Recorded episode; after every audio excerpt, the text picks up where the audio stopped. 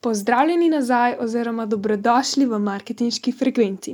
V današnji epizodi gostim Klaro Zupančič, ki trenutno dela in živi v Parizu, a smo se tik pred prazniki uspeli dobiti in posneti tole epizodo.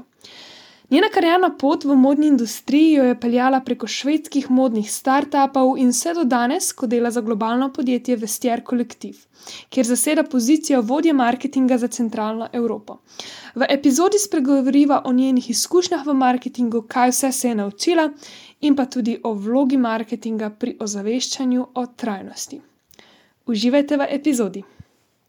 Hvala, da si prišla v naš podcast uh, Marketinška frekvenca, da si sprejela vabilo, da smo se uskladili. Um, jaz sem tudi njim, ki smo se dogovarjali, in oni so rekli, she's a busy woman. Jaz sem lahko, yeah, she is. Tako da zdaj smo kle in uh, bomo en tak um, kar obsežno pogovor um, uh, naredili, ampak se mi zdi, da bo ful koristnih informacij. Vse poslušalce, tako da uživate. Bi pa začela pri uh, prvem vprašanju in tako čist na začetku, recimo, in sicer, uh, kje si ti uh, študirala, kaj so bili takrat tvoji interesi, uh, cilji, mogoče, kje si se takrat videla, da nekoč boš. Okay, prvo, kot prvo, hvala za povabilo na podcast. Um, pa ja, da odgovorim kar naprej na tvoje vprašanje. Um, v bistvu, kje sem se na začetku videla, um, je definitivno nekje okrog dizajna kar sem jaz na, zač na začetku hotela tudi študirati, arhitektura, notranji dizajn, ampak sem se na koncu odločila v bistvu za vizualne komunikacije, kar je bolj usmerjenost v grafično oblikovanje in branding. In sem šla pač eventualno na um, fakulteto za dizajn v Trzinu. In zakaj je v bistvu ta smer, ker dejansko ti tudi za uspeh in za svoje delo rabiš najmanj rekvizitov, to je v bistvu neki programi in ti lahko že pač produkte in karkoli pač že naprej, naprej začneš delati. Medtem ko v arhitekturi in notranji dizajn ti rabiš dosti več investicij in vseh teh rekvizitov in projekti so daljši in pičanje in vse te zadeve. Tako da sem se na koncu usmerila v to grafično oblikovanje. Ampak v bistvu v tudi um, tekom tega študija sem nekako potem ugotovila, da to tudi meni sedi, ker se nisem najdla v tem, da vem, sedim za računalnikom cel dan in pač eh, dizajniram nekaj v teh programih um, na željo svojih strank in karkoli. Res sem pogrešala komunikacijo z ljudmi. Um, delanje mogoče malo več na kakšnih business cases, marketing, marketinške kampanje in vse. Tako da sem v bistvu že takrat začela razmišljati, kako bom jaz v bistvu spremenila smer, ko jaz enkrat dokončam ta moj študij in naredim diplomo. Um, v bistvu v tem času, kako sem sploh prišla v modo in kje sem dobila ta interes za modo, je pa v tem, da kot študent, itak študentsko delo, nekaj v Sloveniji, um, sem začela delati v retailu, v Zari in to je v bistvu bila moje prvo spoznanje z modo. Jaz prej nisem imela nizga, full velikega interesa v tem, ampak ja, tako v bistvu s tem delom sem prvič dobila ta pogled, um, kako si lahko kreativen, kako je velik biznis v bistvu v tem. Tako da sem takrat že začela razmišljati, da, um, da se vidim nekako v prihodnosti v modi. Sem pa tudi vedela, nekak, da. Tega ni v Sloveniji, ne v takem spektru, kot je v tujini.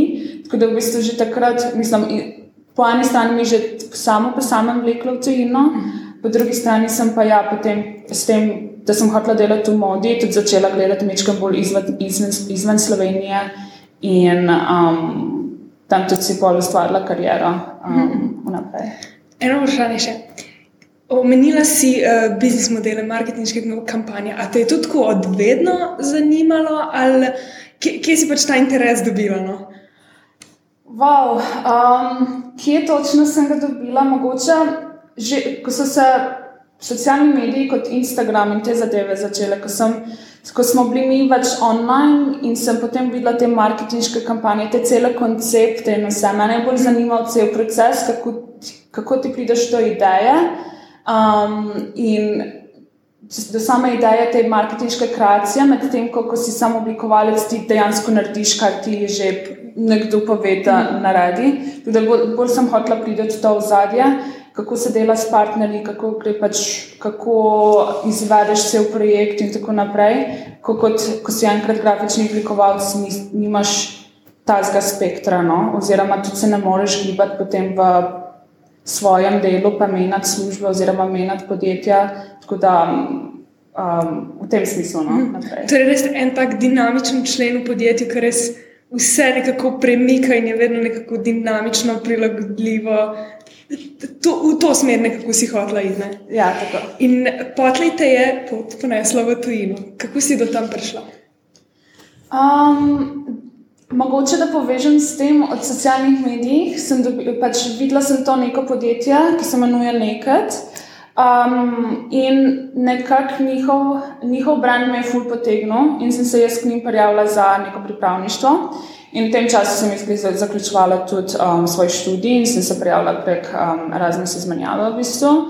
Um, in so me sprejeli, valjda na njih ni bilo nobenega stroška, ker je bilo to brezplačno, v bistvu mene niso karkoli plačali na vse, v bistvu bila samo moja želja, da jaz delam pri tem podjetju in valjda so me sprejeli. Kar je bilo v bistvu fulj smešno, ko sem jaz enkrat tam prišla. Jaz sem imela nek vidik, da je to podjetje res um, že veliko, že fulj ustanovljeno, ima že take procese, imajo oddelke, imajo veliko pisarno. Ampak, ker sem jaz dejansko tja prišla, v bistvu z mojimi prihranki kot študent, kot študentka, tako. Na neko švedsko državo, kjer so cene že tako dosti večje, in res investirala v mojo stanovanje, v bivanje tam, brez da bi vedela, da bo ena služba za tem sploh prišla. In enostavno jaz tja pridem. Tako, to je bilo podjetje s 30 ljudmi, to je nek startup, ustanovljeno je bilo 2016, jaz sem prišla noter 2017.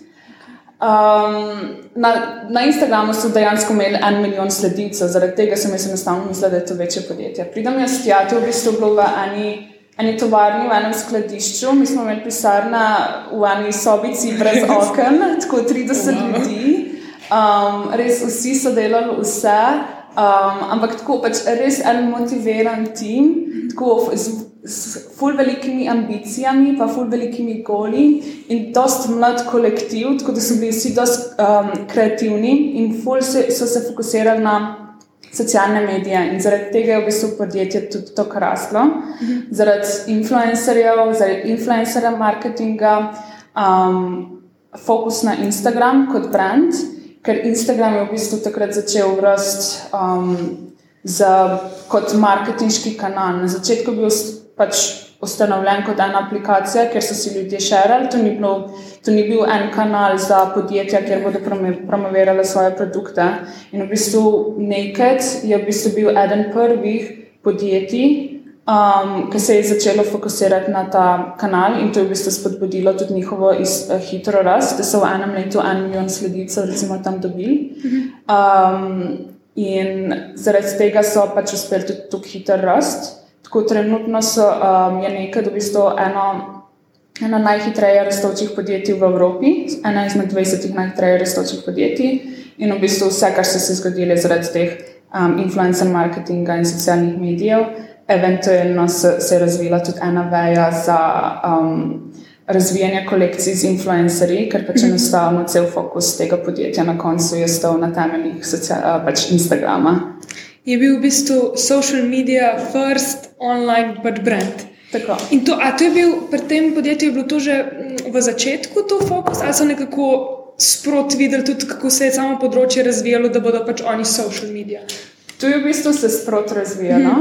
Um, sicer še nisem na takrat um, direktor uh, v podjetju, ampak na začetku so pač, ok, Instagram se je pojavil, malo so postali fotke z user-generated content, tisti, ki so jih tegali na fotkah, so pač začeli repostati. Ampak um, dejansko, ko so lansirali uh, podjetja, oni niso imeli nič prodaje in enostavno so mogli biti kreativni, kaj. kaj, kaj bi naredili s kom, kako naj oni pač uh, dobijo neko rast, um, rast na socialnih medijih, rast kot znamka in rast prodaja. Mm -hmm. In prvo je bil pač ta Instagram. Potem so se začeli nekako povezovati z influencerji in se, se je začelo v bistvu na startupu, uh, na, startupu na Snapchatu. Okay. Ker so dobili eno influencerko, dali so je na par pač oblek in ona jih promovirala in so dobili pač neverjetno ogromno prodajo. In takrat so se začeli tako, da okay, nekaj je v tem In takrat se je začelo podjetje usmerjati v ta influencer marketing. Tako da na koncu smo imeli tako en, en tim 20 ljudi, ki se je fokusiral samo na to, da so pač podpisovali um, uh, pač kontrakte um, z, z influencerji in so nas promovirali pač stalno mesec za mesec na Instagramu.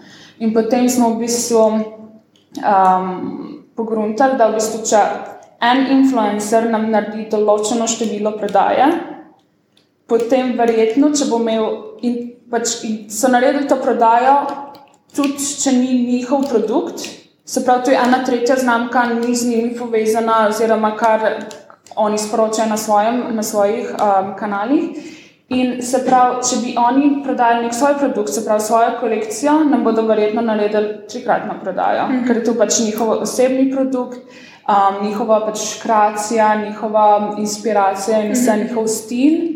Um, in dejansko zaradi tega se je začel razvijati ta naš oddelek um, kolaboracij z influencerji. Um, in ja, v bistvu na tem zdaj baziramo, tako da je v bistvu, po mojem, pet do šest kolaboracij mesečno, da se lansira v tem podjetju wow, z influencerji. Na, tak, na takem skelu se dela. Ja, res. Čak, ti, ti si bila pa tudi vodja uh, te, uh, tega oddelka za sodelovanje. Tako.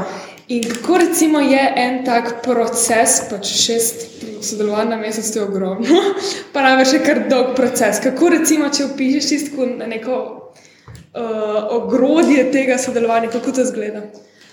V bistvu, um, prvo smo identificirali um, te najboljše influencerje. Se pravi, mi smo imeli prvo kot prvo ta influencer marketing oddelek, kjer so skozi pač probavali nove influencerje, kdo največ prodaja. In tiskajo najbolj prodajo v bistvu za naše podjetje. Um, smo jih povabili, da skreirajo svojo kolekcijo in mi smo jim ponudili pač ves proces. Oni, mi smo bili njihova agencija in smo naredili vse za njihovo kolekcijo. Od Um, oni so v bistvu začeli samo, samo z inspiracijo, mi smo jim dali Pinterest in da je nam samo inspiracija, kaj hočeš. Mi smo imeli tim dizajnerjev, oni so po, pobrali pač um, njihov, ta njihov moodboard in naredili celo kolekcijo, glede na to, kaj, kaj imajo on, pač te influencerke rade in vse. In one so pa lahko dale tudi svoj feedback, ali jim barva ni všeč, ali jim kroj ni všeč, karkoli, tako da je bil mhm. to res njihov produkt. In potem se je začela um, produkcija, oni so lahko videli sample, oni so lahko pač res imeli input v materijale, v barve, v kvaliteto, v fit, vse. Tako da je bil pač res njihov produkt. Ni bilo tako, da nismo naredili eno kolekcijo in pač dali njihovo ime na njo ali karkoli. Bilo pač res prišlo od njih, kot so, tudi, uh, so bile tudi one, da so bile povezane z našim timom in tako pač s celim produktom, kar so delali. No, ko je pa enkrat kolekcija v bistvu skupaj začela prehajati, smo pa začeli um, delati nek koncept um, za, tem, za to kolekcijo. Se pravi, da smo naredili nek uh, moodboard za photoshoot, kjer bomo mi ta photoshoot delali, kako bomo mi ta, ta content, ki ga bomo dobili na photoshootu. Um, Nekako ekspandira na socialne medije, ali bo to Instagram TV, ali bo to NRL, ali bo to Instagram post, ali um, bomo nekaj za Facebook naredili ali TikTok in tako naprej. Um, no, tu potem recimo nekaj konta za digitalni marketing, um, nekako smo cel story za tem naredili. Tudi um, ta wholesale department je v bistvu prišel upoštev. Če bomo, recimo, če je bila influencerka iz Danske, smo pušali ta njihovo kolekcijo v kakšne department store, tako da smo tudi tam lansirali. Um, in ja, pač pol na koncu je vse tu skupaj prišlo, in pač mi smo tu na določen, um, določen dan lansirali. In s tem smo tudi naredili kakšen plan, kako bomo v bistvu tu lansirali in naredili čim večji vpliv, pa od, dobili odziv čim večjih ljudi. Pol smo eventualno tudi naredili kakšen event ali karkoli. Tako da je v bistvu bil cel proces od začetka do konca od same produkcije in koncepta do, do izvedbe in lansiranja cele kolekcije um, z influencerko. Pač imeli smo pa, kdo je pa to menedžeral, bili smo, bili smo en mali tim, um, tim, ki smo pač po mojem delali vsak na enih desetih kolekcijah z desetimi influencerji. Hkrati. Ja. Uf, okay. Um, pač je bilo dosti intenzivno delo. Pač, um, Pa, pa dokaj majhna ekipa za to, Ja. kako bi rekla, no, Ja. ocenjujem. Se je, ampak pač glede na to, da je bilo celo, res celo podjetje fokusirano na te kolekcije, da si ti v bistvu samo nekako oversijal cel marketinško strategijo, pa nekako um, v bistvu koncept, pa kaj se bo v bistvu delalo. Ti si v bistvu sam prebrifal vse time, social media teams, mi smo povedali, to je koncept, vi pač razvijete koncept za vsak svoj kanal, ki ga rabite. Digitalnemu timu, ok, to je koncept, kaj vi rabite za, um, Da za svoje kanale, da to naredimo. In pač vsak tim je pol naprej razvijal ta cel koncept, tako da smo lahko um, v bistvu menedžirali to kolekcijo v, in lansirali to kolekcijo v tako kratkem času. No. Ker v bistvu ta oddelek je bil temelj, tako da je bilo vse nekako pod, ajde, recimo, malo pretiravam, podrejeno temu, Tako kar ste je. videli. Tako. Okay. Um, mislim, ful, ful zanimivo gledati, ker uh, mi, kot vem, uh, uporabniki, kupci, whatever, vidimo vedno take operacije na od zunaj, ne? kaj se pa dejansko dogaja inside, je pač iz uh, druge zgodbe. Tako da ful zanimivo um, to slišati. Je bilo pa pač v tem podjetju, si bila ti recimo dve leti, ne? Ja, uh, dve pa pol v bistvu. Ja. V tem času si največ zelo, mislim, ful znanja pridobila, ful napredovala. Um, kaj, bi, kaj bi rekla, da, da so te tvoje neke točke, ki si se res izboljšala, ali pa kje si najbolj zrasla? No, definitivno marketing, tako socialni mediji, kampanje, lansiranje, lansiranje kampanj, brandinga dovolj. Um, tako da, ja, v bistvu, pač, um, kar se marketinga tiče, se mi zdi, da um, je res um, pa socialnih medijih pa, uh, v bistvu neka močna točka, ker sem se v bistvu ful razvila pre nekaj do. Kako pa, okay, pa bi pa več trenutek, ko si rekla, tukaj je, se zaprejo te vrata in recimo se odpre neka nova zgodba. Um, kaj bi tisti trenutek, ko pač si rekla, da greš naprej, oziroma da, da, da te čaka še nekje nekaj drugega? No? Ja. No, v bistvu ena od teh kolekcij, ki sem jih razvijala za influencerje, je bila v bistvu prva trajnostna, nekako prva trajnostna linija, ki smo jo naredili z Nakedom. Naked je pa v bistvu hitra modna znamka, se pravi znamka hitre mode. In v letu 2019 je v bistvu začel ta trend full rastati in mi kot podjetje smo dejansko mogli tudi začeti delati v tej, tej smeri, tako da smo z eno influencerko začeli pač razvijati kolekcijo, ki je bazirala res na trajnostnih materijalih, um, na trajnostni produkciji in tako naprej.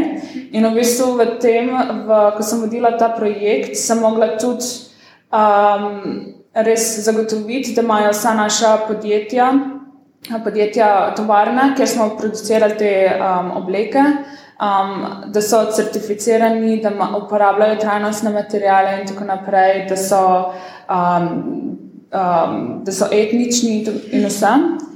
Um, in enostavno sem videla, koliko dejansko kot podjetje onesnažujemo okolje, um, koliko velik vpliv imamo na osnaževanje okolja, na izpušno plinov, na onesnaževanje vode in tako naprej. Res se prej nisem zavedala, da je naš vpliv tako velik, kot je. In sem se takrat mečkaj začela zavedati, da v bistvu, kar je bila moja zabavna služba, res super, ful sem prepotovala, ful ljudi sem spoznala, res sem se razvila, ogromno sem dobila priložnosti v tem podjetju, ampak enostavno nisem se čutila več um, nekako zadostno, ko sem delala uh, v tej vlogi, se pravi, dobesedno prodajala neke, neke obleke, se pravi, hitro modo prek influencerjev in sem uspodbujala v bistvu s tem to nasmeževanje. Um, tako da, ja, glih v tem času so me pa pravčali um, ena, dva founderja, enega v bistvu startupa na švedskem, um, kjer smo pa v bistvu lansirali podjetje v 2019 kot v alfa fazi, se pravi, neki čez začetni, mečkam bolj zaprto, uh, in potem marca v beta fazi um, podjetje, ki je baziralo na rentanju produktov. Um, se pravi, to je v bistvu neka nišna bolj industrija, um, tudi v tej trajnostni modi in tako naprej. Um, in smo dobili res tako super odziv. V bistvu rek, res nekaj čist podoben, kot je Render Runway v Ameriki, če poznaš. Um, tako da, ja, v bistvu ti imaš celo platformo enih full dobrih kosov in vsega, ker dosti je ne vem, nekih oblek, dosti teh kosov, sploh teh uh, barvitih, uh, trendnih kosov in vse, ki jih ti nanosiš več kot enkrat ali pa dvakrat. In pač namen tega je, da ti v bistvu rentaš. Plačaš, po mojem, 10% originalne cene in potem pač vrneš ta produkt, um, in potem lahko pač kupiš, v bistvu kupiš, rentaš neki novega in imaš čist nov outfit. So, to so tisti kosi, ki jih hočeš nositi, ampak jih ja. ne bi jih kupil, da bi bil zavedno. Točno to. okay. um, um, ampak uh, v tem uh, nisi bila dolga, ne? Ne, v bistvu, um, kot sem rekla, naš um, v beta fazi smo lansirali jih marca. Mm -hmm. Marec 2020 je bil pa ta osnovni, osodni, uh, osodni, osodni mesec za korono. Mm -hmm. In valjda, ko ti hočeš rentati nek produkt, res tisti prvi top of the mind. Um, Ker se spomniš, da boš ti rental produkt, je v bistvu, ko boš šel na en event. Takrat so bili pa vsi eventi skenslani, tako da smo mogli nekako, ker smo imeli super odziv, res nas je bilo presenetilo, sem enostavno, če so bili ljudje zaprti v njihovih sobah, dolgo pač rental obleke, pa se mislim, oblačil mm -hmm. v neke nove outfite vsak dan in vse. Enostavno smo mogli pač to na pauzo dati. No? In pol, a ja, pauza, in to pomeni pauza tudi za te. Tako. Okay. Tako da v bistvu, ja, pol sem naprej zadnje leto. Um, Sem mečkam tako razmišljala, kaj bo spet naslednji korak same. Um, in dejansko sem nekako čutila, da nisem še končala v tej trajnostni modi. In sem pač ja gledala, kaj bo naslednji korak in vse naprej. Um, in sem dobila pač zdaj priložnost pri Vestier kolektivu um, v Parizu, um, kjer sem v bistvu zdaj delam um, in sem se preselila v bistvu tukaj zdaj marca um, 2021. Um, tako da je zdaj že deset mesecev, kar sem jaz v bistvu tam. Trebja. Yes. um, ok, Vestier kolektiv, zelo dobro. Um, mogoče najprej tudi za poslušalce, ki se mi zdi izjemno zanimivo, pač izjemno zanimivo podjetje, če bi lahko na kratko predstavila, kaj to podjetje je, kaj dela, pa kaj je tudi v bistvu nek namen, vizija tega podjetja. Ok, so. Um, Vesel kolektiv je v bistvu globalno podjetje, ki se osredotoča, ki je v bistvu customer to customer, peer to peer, se pravi v bistvu platforma ki se osredotoča na prodajo um, second-hand visoke mode. Se pravi, mi, nismo, ne, mi ne zakupujemo nekih produktov, kot uh, so še ne torbice ali karkoli, ampak je naš katalog produktov v bistvu um, produkt um, omar naših prodajalcev, ki so lahko ti ali pa jaz. Um, in dejansko, pač, ko ti kupiš nek produkt, um, tega, kot sem rekla prej, nosiš enkrat, dvakrat, potem verjetno stoji v tvoji omari in v bistvu ta platforma v bistvu spodbuja, da ti še ne nosiš tega produkta več, ga ti raj prodaj, zato da pač zminimaliziramo um, kupovanje v bistvu nekih novih produktov v trgovinah. Um, tako da v bistvu to je bil cel namen tega podjetja. Zmanjšamo potrošnjo, pa, pa v bistvu, da se spodbudi ta um, kroženje tistih, ki so že obstoječi, ki so že na, na, na trgu, v omarah. V bistvu, ja. Ja. Um, zdaj me pa zanima, um, če se navedem tudi naprej, ki si rekla, pač, ki si razmišljala, okay, kaj je na, naslednji korak, zakaj glih uh, to podjetje, pa pač, kako si mogoče prišla do njega. Tudi, ne vem, tu sem že pa res začela slediti, po mojem, že ko sem bila pri Nekedu. Mhm. Um, sem imela že um, nekako oko na tem podjetju, nek cilj, um, da bi tukaj enkrat pristala, kar se mi takrat dejansko zdelo zelo nerealen, ker wow, um, služba v Parizu, pa kot marketing manager in to, je dejansko zelo težko dobiti. Um, ampak ja, ne vem, vedno sem bila v tej trajnostni modi, vedno sem imela to vizijo, da bi v tem tudi delala. In v bistvu res naslednji korak in ultimativna destinacija za me je bil Vestier Collective, globalna, globalna platforma, bolj se ukvarja z visoko modo, bom rekla. In res, tako res en zakon, zakon brand, ki ima res neke vrednote, s katerimi se ful poistovetim. Tako da na koncu mi je bil, bil ta podjetje oziroma ta služba, ki jo imam zdaj, res tako neki um, top, kar mi še vedno ful pri srcu. No. Cilj. Ja. Odlično in čestito. Um, zdaj pa kako, da tudi. Uh, zdaj, tudi, ni, recimo, ni startup izkletit, kot je bil nekaj, uh, ki si pač takrat prišel na to pozicijo, ampak je res pač globalen, uh, globalen biznis, globalen brand, ki je res pisarne imate New York. Čak, Pariz, Šanghaj. Tako je, ja. Singapur, Hongkong, uh, Berlin. pač res uh, globalno. In kako, v bistvu, kje si ti tukaj umeščena, kakšna je tvoja vloga? Um, V bistvu, kaj, kaj ti delaš, kot v bistvu zdaj um, head of marketing uh, za centralno Evropo? Ne? Tako je. Ja. Um, se pravi, prej pri nekaj sem se osredotočila direkt na marketing, pa kako bomo lansirali te marketinške kampanje. Um, pa ja, nekaj je v primerjavi z Vesterom tudi bil dost manjši, kljub temu, da smo zelo hitro rastli in ko sem jaz v bistvu odšla, prišla sem, ko je bilo 30 ljudi, odšla sem, ko je bilo 300 ljudi, um, se pravi po, po treh dveh letih in pol. Um, no, in zdaj v bistvu pri tem Vestir kolektivu je pa v bistvu sem marketing manager za centralno Evropo, se pravi za nemško govoreče države in Skandinavijo, za skandinavske države. In v bistvu klaj je pa bolj, bolj širša pozicija, v bistvu ima nek marketinški, uh, marketinški in biznis vidik, se pravi iz marketinškega vidika. Um, moramo v bistvu um, targetirati naš audience v recimo, nemških državah um, in jih um, spremeniti iz ljubiteljev znamke v kupce znamke in uporabnike platforme in tako naprej. In tu pa v bistvu delamo prek distribucije različnih.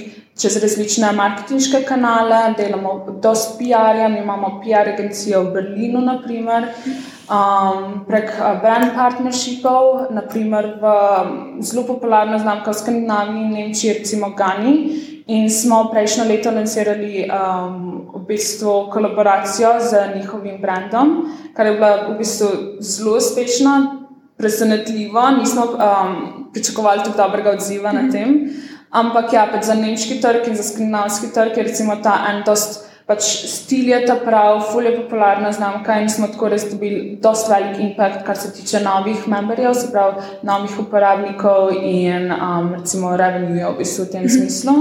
Um, pa je pa še recimo tudi business aspect, glede na to, da se bolj regionalno um, fokusiramo, ni več tako globalno v bistvu, mhm. ampak tako, kaj, kakšna je njihova kultura, recimo kakšne so njihove navade, glede kakšne plačilne metode uporabljajo. Recimo, Klarna je pri nam ful spremenila. Um, za 50% smo recimo dvigali um, celo prodajo in uporabnike, sem zaradi Klarne, ker smo to uvedli, ker ima tukaj močno, močen brand in tukaj močno bazo že v Nemčiji. Um, kaj naprimer še pa naprej? Um, to nam je še večkrat uh, šlo iz glave. Ampak, ja, recimo, pač te male stvari, um, ali pa ja, recimo free shipping, direct shipping, ali je to deal breaker za ta, mm -hmm. za ta market, ali ne. Recimo za Nemčijo je v bistvu to ful pomembno, medtem ko za Francijo mogoče malo manj. Mm -hmm. In tako da smo večkrat mogli tudi dajati v to regijo. Um, Kaj, kaj v bistvu moramo mi spremeniti v, v celem našem biznisu, da dobimo um, tega customerja, um, da začne naš, nas uporabljati, a so pač plačilne metode, deal breaker in tako naprej. Um, tako da je v bistvu res, res dosti zaokrožena, to široka, široka vloga. Um, in ja, pač na začetku sem v bistvu. Um, Fokusirala se na, Nem na Nemčijo, Avstrijo in Skandinavijo, zdaj je pa v bistvu v zadnjem letu res naš trg že tako zrastel, da enostavno um, nismo mogli voditi samo v bistvu cele, cele regije in smo večkrat bolj fokusirali se na Nemčijo, ker imamo pač res, um, je v bistvu za nas drugi največji market za podjetje, um, tako je za Francijo. Um, tako da ja, v bistvu moramo, se, moramo dati dosti več fokusa, kot smo ga imeli zdaj um, v celo regijo, da res dobimo največ, kar lahko iz te države. Mm -hmm. Pa nisem vedela, da je, da je, da je ja. Nemčija. Okay.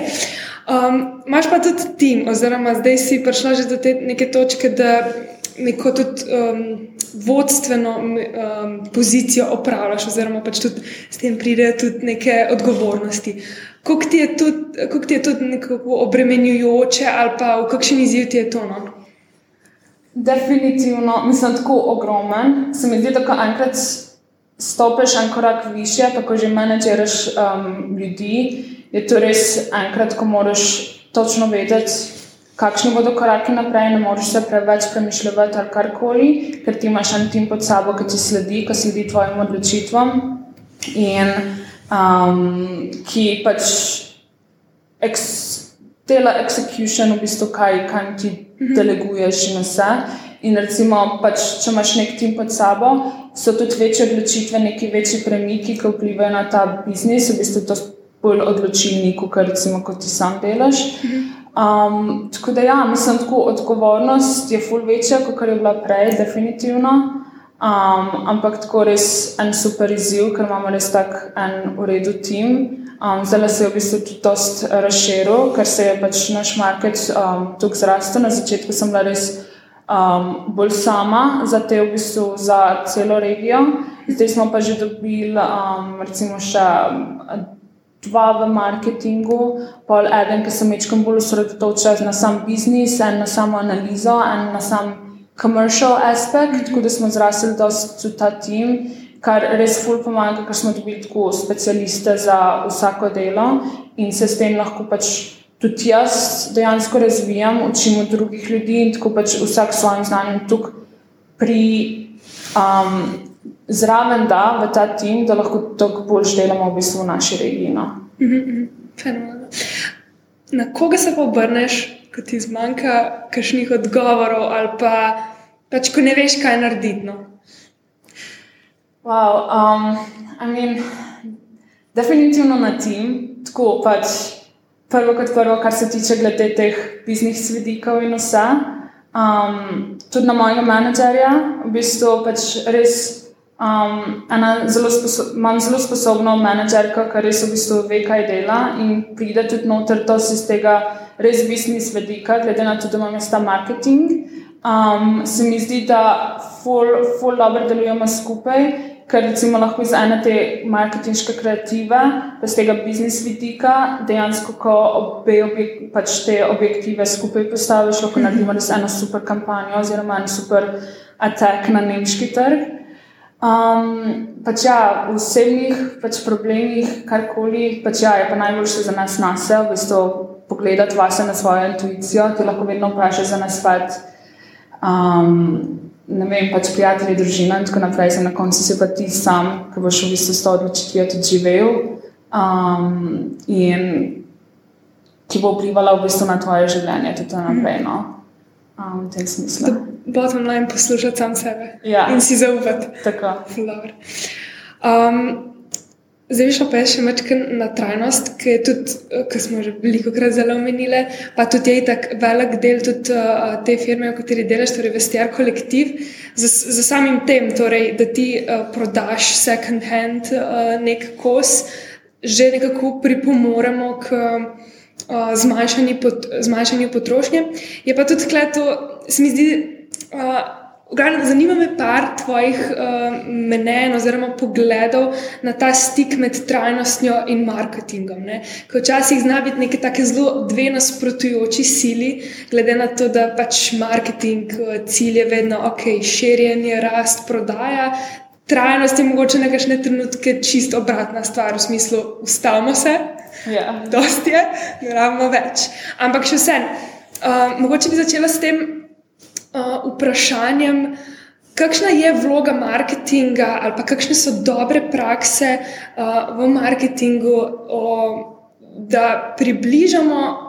Um, približamo uporabniku trajnost in jim damo res tisto sliko, kaj trajnost je in da pač jo treba živeti. No. Ja, definitivno. Se mi zdi, da vedno več teh podjetij uporablja to trajnost samo za marketinški namen in res veliko preveč je izkoriščanja tega, um, pač te besede. Ja, te ja. besede.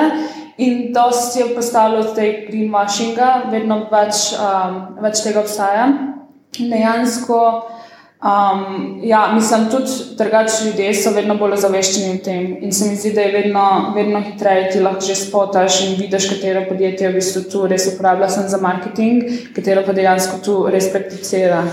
Um, mislim, najboljši na svet za vsako podjetje je tako: practice what, what you preach. Mm -hmm. Se pravi, začni delati na tem In takrat lahko si šel advokat za neko trajnost, pač brez veze ozaveščati o neki trajnosti, pa govoriti o tem v marketingu oziroma marketinškem kampanju, če ti nisi nič naredil v svojem podjetju za trajnost.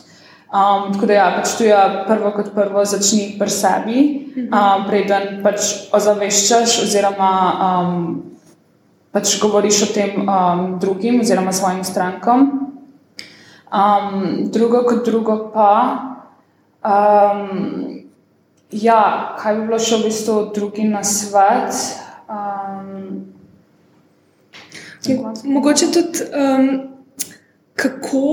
Jaz bi rekla, da je pri trajnosti ena stvar tudi tako, da, da ozaveščamo, zakaj je eh, biti pomembno. Pač da trajnost vključimo. Ne? Da recimo včasih kupimo kakšen kos manj, ali pa da kos, ja. če zdaj govorimo res o modi, da kupimo kos, ki je mogoče dražji, pa tisti veliko boljši in ga bomo zato posledično dlje časa nosili. Pač neke take stvari, ki se gre v bistvu, če zdaj drugače povem, se gre v bistvu za spreminjanje obnašanja ljudi. In ja. se mi zdi, da je imel vedno in vedno ima marketing velik vpliv. Ne? Ja, definitivno. In se mi zdi, da moraš, mislim, ne smeš biti kritičen do ljudi. Ti delaš zdaj tu na robe, ti delaš zdaj tu na robe, onesnažuješ. Uh, Onesnažuješ okolje, ko uporabljaš plastično slamco, si pač ubil eno ribo, zdaj tam v oceanu yeah. ali karkoli. Te zadeve. Pač ta pristop verjetno ni najboljši, da boš spremenil neko mnenje oziroma obnašanje človeka s tem, ker se bo enostavno čutil napaden in se bo obrnil stran od tebe. Pač forejo v bistvu, da greš korak za korakom. Prvo tudi, da kot podjetje ti mogoče priznaš, da nisi, da ne, da nisi perfekten, pač delaš v smeri, da bo boljše za okolje, da boš vedno bolj trajnosten in vse, in da balansiraš nek profit, ki ga boš dobil za hitrim marketingom, za neko trajnostno rastjo, s tem, da vključuješ te trajnostne poglede v svoje podjetje. Um, in ja, pač tako, kako pa dejansko pač zaveščaš, ok, ti delaš korak za korakom, ti si transparenten s tem. Pusti en, enostavno tudi svojim kupcem, ja, pač dajmo, dajmo, mi smo skupaj na tej poti, kako bomo skupaj do tega prišli. Mogoče prvi korak je, namesto da kupiš en, um, eno novo torbico, kupiš jo second hand. Ker dejansko v bistvu en fun fact je, da um, če kupiš ti second hand torbico, ti imaš um, 91% manjši negativni impact na okolje, kot če bi ti kupil torbico pač čist novo. Čist novo. Tako da to so oni taki mali fakti, ki jih lahko pač um, ozaveščaš v bistvu, ali pa promoviraš v marketinških kampanjah, ali karkoli, ali pa skupaj z influencerji, mogoče, da že njih, da narediš ta en komunity influencerjev, ki jih že naprej ozaveščaš in oni. Oni podajo naprej to znanje, ker imajo tudi oni en komunity, recimo na Instagramu, ki, uh, ki jim sledi, marsikateri slepo verjame. Um, uh -huh. Tako da pač to so raz, različni kanali, kako lahko pač. Um, nekako um, poveš, v bistvu podaš to znanje, ampak je pač tako, v bistvu korak za korakom. Um, mhm.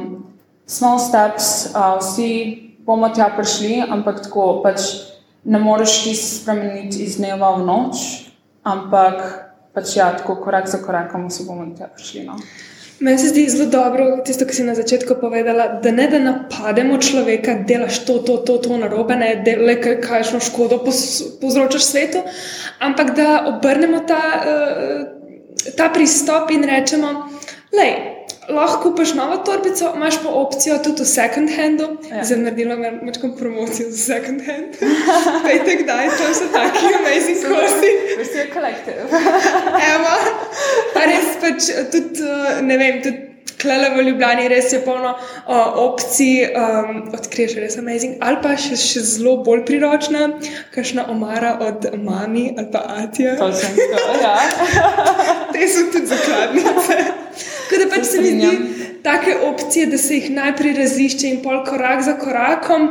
Pa tako, kot si ti rekla, z uh, nekim znanjem in informacijami preko kanalov, ki jih v bistvu zdaj že uporabljamo. Ja. Influencerji, social media, vse to pač korak za korakom. To ja. je pa definitivno. Um, je pa tudi to, da me si uh, omenila. Uravnotežiti profit z nekim namenom, z nekim uh, ciljem trajnosti, oziroma da res delaš uh, pozitiven vpliv na okolje. Kako to uravnotežiti, oziroma A so kle neka oprimerljiva dejanja ali pa uh, dejavnosti, ki jih lahko že zdaj delajo podjetja, da to, oziroma kako bi k temu? No. Se mi zdi, da v podjetjih je pač dost odvisno od vodstva njihovega pogleda na samo trajnost. Pač pri tem ne smeš biti preveč, kako bom rekla, požrešen. No? Mm -hmm. Ti moraš, ko si, ko enkrat sprejemaš trajnostne odločitve, se tudi temu podrediš, da bo mogoče podjetje bolj počasi raslo, ampak bo bolj stabilna rast in dolgoročno ti bo veliko bolj, uh, bolj prišlo. Medtem pač velikrat je se mi zdi, da napaka podjetij, da hočejo pač ta revenue narediti iz danes na jutri. Um, ampak ne, pač, kako ti zbalansiraš, mogoče pač s temi trajnostnimi odločit, uh, odločitvami, kot recimo, če se navežemo na modo, ponovadi so kakšni ti materijali bolj dražji, kot recimo tisti materiali da, za, za produkcijo teh oblek, in bo en kos um, narejen iz trajnostnih materialov dražji kot produkcija, kot ta, ki bo pač iz ene plastike, hitre mode, kar koliko nasnežuje. In dejansko ti boš mo, ko boš to prodajal za isto ceno, manjše margine, zapravo manjši profit, ampak eventualno bo tvoja rast bolj stabilna, če boš res advokat in če boš stal na enih trdnih temeljih podjetja, glede trajnosti in glede teh vrednot, ti boš naredil en komunity svojih ljudi, ki se bodo k tebi res vračali vsak dan z vsakim nakupom, ne samo z enim nakupom. In ti pač tako počasi gradiš res en komunity, pa en stabilen biznis. Tudi, ki bazira na neki trajnosti, na trajnostnih odločitvah, ki postajajo vedno bolj pomembno, tudi za kupca, za podjetje, za vsakega. Kupci vedno bolj gledajo na to, iz katerih materijalov so tvoje obleke narejene, kako um, podjetje deluje. In pač kdorkoli misli, pač, da ja, je to um, pač ni vredno, ker je sam zaslužek, pač dolgoročno ti boš bolj profitiral, če boš res ozaveščal za trajnost in če boš gradil na teh temeljih kot to, da boš hotel samo nek hiter zaslužek, pa boš tudi hiter, če boš hiter zrastel, je velika možnost, da boš tudi hiter padel. No? Mm -hmm. Okay. Ja, ja, to se čist strinjam. Um, je, je ta neki pač zdravi temelj, pa v bistvu Tako. ta igra uh, na dolgi rok. Bi pa tukaj tudi mogoče uh, omenila ne, trajnost, trajnost. Prej smo rekli, ne, da je to zelo uh, izrabljena beseda, buzzword. Ja. In bi mogoče glih zaradi bodimo del tega osveščanja, pa tudi da rečemo, kaj v bistvu vse trajnost zajema v tistem pravem pomenu besede. Ja. No, ja, v bistvu kaj zajema, v bistvu odvisno, v katerem podjetju sicer delaš, ampak klej zdaj je pač odgovornost do okolja, um, odgovornost do ljudi. Se pravi, um, mi imamo recimo oddelek, um, ki, ki se prav posveča um, trajnosti, pa diverziteti, v bistvu diversity and inclusion, v bistvu med um, tak social impact, v bistvu, kar mi dejansko tudi nekako pod isto. Uh, pod isto vejo se um, dajemo, samo pač kuje, pač, kar tu zajema v bistvu nek social impact, environmental impact, work impact, um, v bistvu no, vse, vse, kar v bistvu lahko mhm, mhm. vključiš. Zdaj v sami produkciji, um, kako recimo vestier, v bistvu res ozaveščamo o tem, glede na to, da smo že sam biznis, ki temelji um, na trajnosti. Mi v bistvu za sabo nimamo nobenih tovaren, produkcij, karkoli, se pravi, mi ne osnažujemo že v, v prvem pogledu nobenih vod, nimamo večjih emisij, karkoli. Se pa še vedno zaveščamo, da je še tako, the long way to go, da smo mi dejansko trajnosti, ker še vedno imamo razne pošiljke, ki grejo po celem svetu. Um, še vedno imamo neko pakiranje, v katero zapakiramo um, stvari um, in tako naprej. Tako da pač v bistvu mi še vedno res delujemo s tem, da smo vem, leto zmanjšali um, za 25% uporabe plastika v naših embalažah.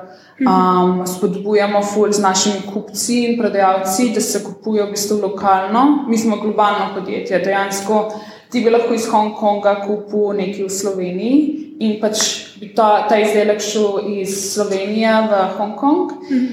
Kar pa mi ful spodbujamo in tudi v naši platformi imamo tako eno ikonico, pač če v tvoji državi se pokaže, da ti kupiš nekaj lokalno, se pravi, če si v Sloveniji, boš od Slovence kupil, v Nemčiji boš od Nemca kupil in tako pač skrajšamo že in mislim, zmanjšamo emisije z letalom. Um, tako da pač s takimi stvarmi probamo mi zaveščati no, um, tudi naše kupce in v bistvu izboljšati um, naše podjetje in graditi na teh temeljih um, trajnosti. Um, recimo, en večjih dosežkov za nas je bil, da smo, tudi, um, da smo dobili eno najvišjo certifikacijo, se pravi, B Corporation. Um, to je v bistvu, da delamo mi tako business for good. To je v bistvu res najvišja, najtežje se dobi. Uh, Ponovadi traja okoli leta pa pol, dve leti, da podjetje dobi. Mi smo to uspeli dobiti v osmih mesecev in gre pač v bistvu. Um, cel proces tudi smo uh, tako, da moraš doseči nek minimalni standard, odgovoriš ti na 300 vprašanj v svojem podjetju, ki se dotikajo raznih tematikah, o delu, o podjetju, trajnosti, o proizvodnji in take zadeve naprej, ali pa tako tudi o social impact, kaj ti zaveščaš v svojem podjetju, kakšne diversity imaš vse te zadeve. Um, in ja, pač redko so podjetja, ki imajo ta. Um, Certifikat in mi smo v bistvu prva ta resell platforma, ki ga je dobila v bistvu tega septembra. Tudi. Tako da res mi, ful, še vedno, tudi glede na to, da smo v, po DNA, v bistvu naš DNA, v bistvu, da smo že trajnostno podjetje, res tako, full, full delujemo še v tej smeri. No.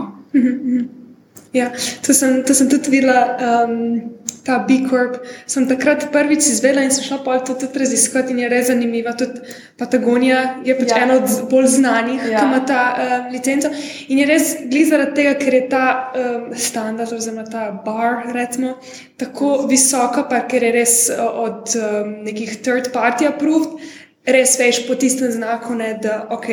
Te so, um, so, kar govorijo, da so. No. Ja. Pač je, neki potrjeno za njih. Tako da to je to, fulano, več čestite. Hvala. um, okay. Zdaj bi se pa za konec še tako, malo bolj lahko dotaknila in sicer work-life balance. To je tudi za nekatere, bi rekla, uh, kot po nekaterih pogovorih opažam. Za, za nekatere ja, za nekatere ne, kako ti to vidiš? Jaz mislim, da je zelo pomembno. Um, jaz vam rekla, mislim, včasih ta, miselnost, da moraš ti delati 24-7, pa da si busy skozi, ne vem kaj, ni več kul. Cool. Um, se mi zdi, da vedno bolj narašča ta miselnost, da imaš ti nek um, good work-life balance, kar jaz vedno bolj cenim. Um, in res cenim ta čas, ki ga imam na off in ga hočem tudi na polno izkoristiti. Um, ker sem pač videla, da če ti delaš 24-7, pač eventualno long term tebe tudi pripelje do neke izgorelosti. Pač tu se že vidi, glede brain foga, utrujen si lahko skozi, ne moreš se več fokusirati na te zadeve. Pač, ko ti začneš, valjda, ti, boš, ti moraš biti pripravljen, da trdo delaš. In tudi jaz sem tako začela, pač moji začetki so bili tako res, res 24-7, kar je v bistvu mm -hmm. ta, ta navada, v bistvu in bilo za vse navadno in vse. Um, ampak enostavno me je tu pripeljalo do neke, ne vem, izgorelosti. Um, tako da v bistvu prejšnjo leto, ko sem imela ga kar malo na off, mi je čisto prav prišlo to, da sem se malo sedla, pa mečkam pogledala, kaj so te moje prave vrednote in sem res do tega prišla, da mi veliko več pomeni, da imam nek good work-life balance. Ker enostavno, ko bom, ne vem, stara 90 let na moji smrtni posteli ali karkoli, se verjetno nazaj, ko bom razmišljala in pogledala na svoje življenje, zihar ne bom spomnila enega dneva, ki sem ga delala, ne vem, do mhm. polnoči ali karkoli. Ampak se bom pa definitivno spomnila enega dneva, ki sem ga preživela s kolegi, ne vem, nekje na Pertaventuri ali nekje na plaži, ki smo full uživali na vse. Tako da pač ja, en ta work-life balance mora biti, um, kar dejansko pač you don't work to live, no, live to work, you work to live. Um, tako da ja, pač definitivno podpiram ta work-life balance, um, da si postaviš neke meje um, in, in da uživaš življenje, tako, kot delaš. Mislim, mi je pa zanimivo, ker, oziroma, saj jaz opažam, recimo v, v moji generaciji, ali pa pač mogoče tudi če kakšni manjši, da uh, pač tukaj te bom vprašala za res tvoje mnenje, ker recimo, da že mlajše generacije govorijo ta ja, work-life balance in se mi zdi, da na eni točki to postane tudi neke vrste izgovor, v smislu, yeah. ja, jaz ne morem, da je work-life balance, alo, ne? In kako pač ti gledaš na to, no? Ko še gradiš kariero, ker res si na točki nič. Pač ja, ti, ja, tem sem v bistvu že razmišljala, ker smo, vem, da smo se zadnjič tudi pogovarjali. Mm -hmm. In ti moraš v bistvu na začetku biti pripravljen trdo delati. Če, v bistvu, če imaš neke ambicije in hočeš nekaj doseči v življenju, pač, če hočeš imeti nek work-life balance, ti lahko pač en random job v bistvu sprejmeš, ker zaključiš ti v petih in se rabiš več sekirati in v bistvu ti to delaš leta in leta in leta in ti pač uživaš work-life balance, kar ni bad. Pa, ampak, če hočeš pa res nekaj doseči, pa če si ambiciozen, moraš biti pa pripravljen na začetku delati, pač res trdo delati. Ampak je pa res, da moraš sebe toliko dobro poznati, da si postaviš neke meje in oziroma da prepoznaš, ko se enkrat že pač. Približuješ temu, da boš mečkam bolj izgorel, da vidiš, da si stalno utrujen, da ne moreš se več fokusirati na te zadeve, da enostavno postaviš to mejo in rečeš, ok, zdaj moram biti pa na en teden na off, jaz bom šel na nekam v gore, naravo, karkoli, ne bom odprl računalnika, ker enostavno se rabiš malo rechargati in potem si good in ok, potem naprej. Ampak je pa na začetku, se mi zdi, da pač enostavno, ko enkrat začneš, se moraš nekomu tudi, moraš nekaj dokazati. No? Mm -hmm. In pač long term, veš, mislim, ko boš starejši in ko boš že nekaj dosegel, boš lahko mečkam bolj se mogoče umiril in tudi družina bo že imel. Takrat ljudje, veš, da spoščujejo to pač work-life balance in vse. Ampak na začetku se mi zdi, da pa ja, moraš, moraš se pripra biti pripravljen, da trdo delaš, um, da nekaj dosežeš v življenju in potem mogoče si mečkam bolj fleksibilen, um, kako um, menedžiraš svoj čas, svoj prosti čas um, in tako naprej. No? In dosežeš ta work-life balance, ki ti je nekako cilj v življenju. No? Kako pa ti zdaj pač poskrbiš ob natrpanem urniku, kaj je teftko, gotovo? Ja, po mojem, še vedno nisem čisto osvojila tega work-life balance. No. work in progress, work in progress. Work in progress. Ja, ja, bomo še dosegli. No. Ampak ja, definitivno je pa te, pač prvo kot, kot prvo, da si postaviš nekaj meje, da spoznaš, um, da, da, greš, da se daš malo na off um, po nekem busy obdobju ali karkoli, ampak dan za dnem je pa tako, jutranja rutina da se res ostaneš nekaj prej, da imaš ta svoj sveti čas za sebe, da prebereš kakšno knjigo, um, da imaš športaš, greš, greš na svež zrak umiru, popiješ kavo, na mestu, da se zbudiš in že tečeš na to um, busy subway, v bistvu na podzemno, in potem v prvi meeting si že pozen in si vse pod stresom, cel dan se ti zruši, in potem pač to full vpliva tudi na tvoj mood, na počutje in tako naprej. Tako da je pač ta jutranja rutina, v bistvu je zelo pomembna. Pa tako pač res, kar sem pozirala, šport neke dejavnosti, da se gibaš vsak dan, je res tako ena največjih zdravil, ki jih lahko imaš, da, da, da si lahko skozi prisoten v službi, pa da se ne približaš tej izgorelosti ali karkoli. No. Um, ja, takrat, ko delaš, delaš. Takrat, ko delaš, delaš, takrat, ko športaš, športaš. No. Tako, Zadnje vprašanje. Um, Če bi mogoče lahko podelila ali kakšno literaturo, vire, resurse, karkoli, ali pa še na svet direkten za nekoga, ki bi rad um, želel delati v, v marketingu, v modni industriji, oziroma mogoče slediti večkrat po tvoji poti. No, o, na svet. Um, tako, ne, ne obupaj, pač vse se bo na koncu pač razrešilo ti moraš sam postaviti nek cilj če hočeš dobiti službo pri tem podjetju, ne samo reči, ok, nisem dovolj kvalificiran, sploh se ne bom prijavil, pač ne go for it, you never know pač what's gonna happen. Um, tudi jaz, ko pač pri nekaj, da sem dobila pripravništvo, čisto na ključju. In pač malo sem pušala, dobila sem ja, šla sem in potem sem se pač tam trdo delala, se dokazala, um, rasla naprej, zamenjala pozicije in tako naprej. Um, in pa nekako je meni čist intuicija, če svet vodu, nisem imela točno planirano, kam bom šla naprej, karkoli, pač priložnost se je odprla, jaz sem jo sprejela. Samo pač, ja, na sebe pač reach out do nekoga, do kakšnega founderja ali pa celo najdete kakšnega mentorja, ki bi ti dal ta nasvet, um, -hmm. oziroma ki bi ti lahko podal znanje, um, kontakte in ti odprl marsikatero možnost.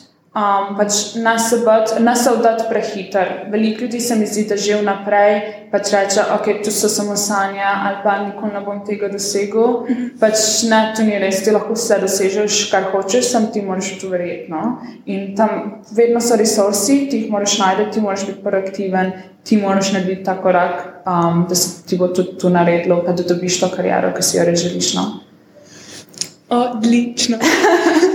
pač super vesede, da končamo tole epizodo. Klara, hvala, hvala za vse. Hvala za povabilo. Super, super. Najlepša hvala. Res mi je bilo zakon tukaj.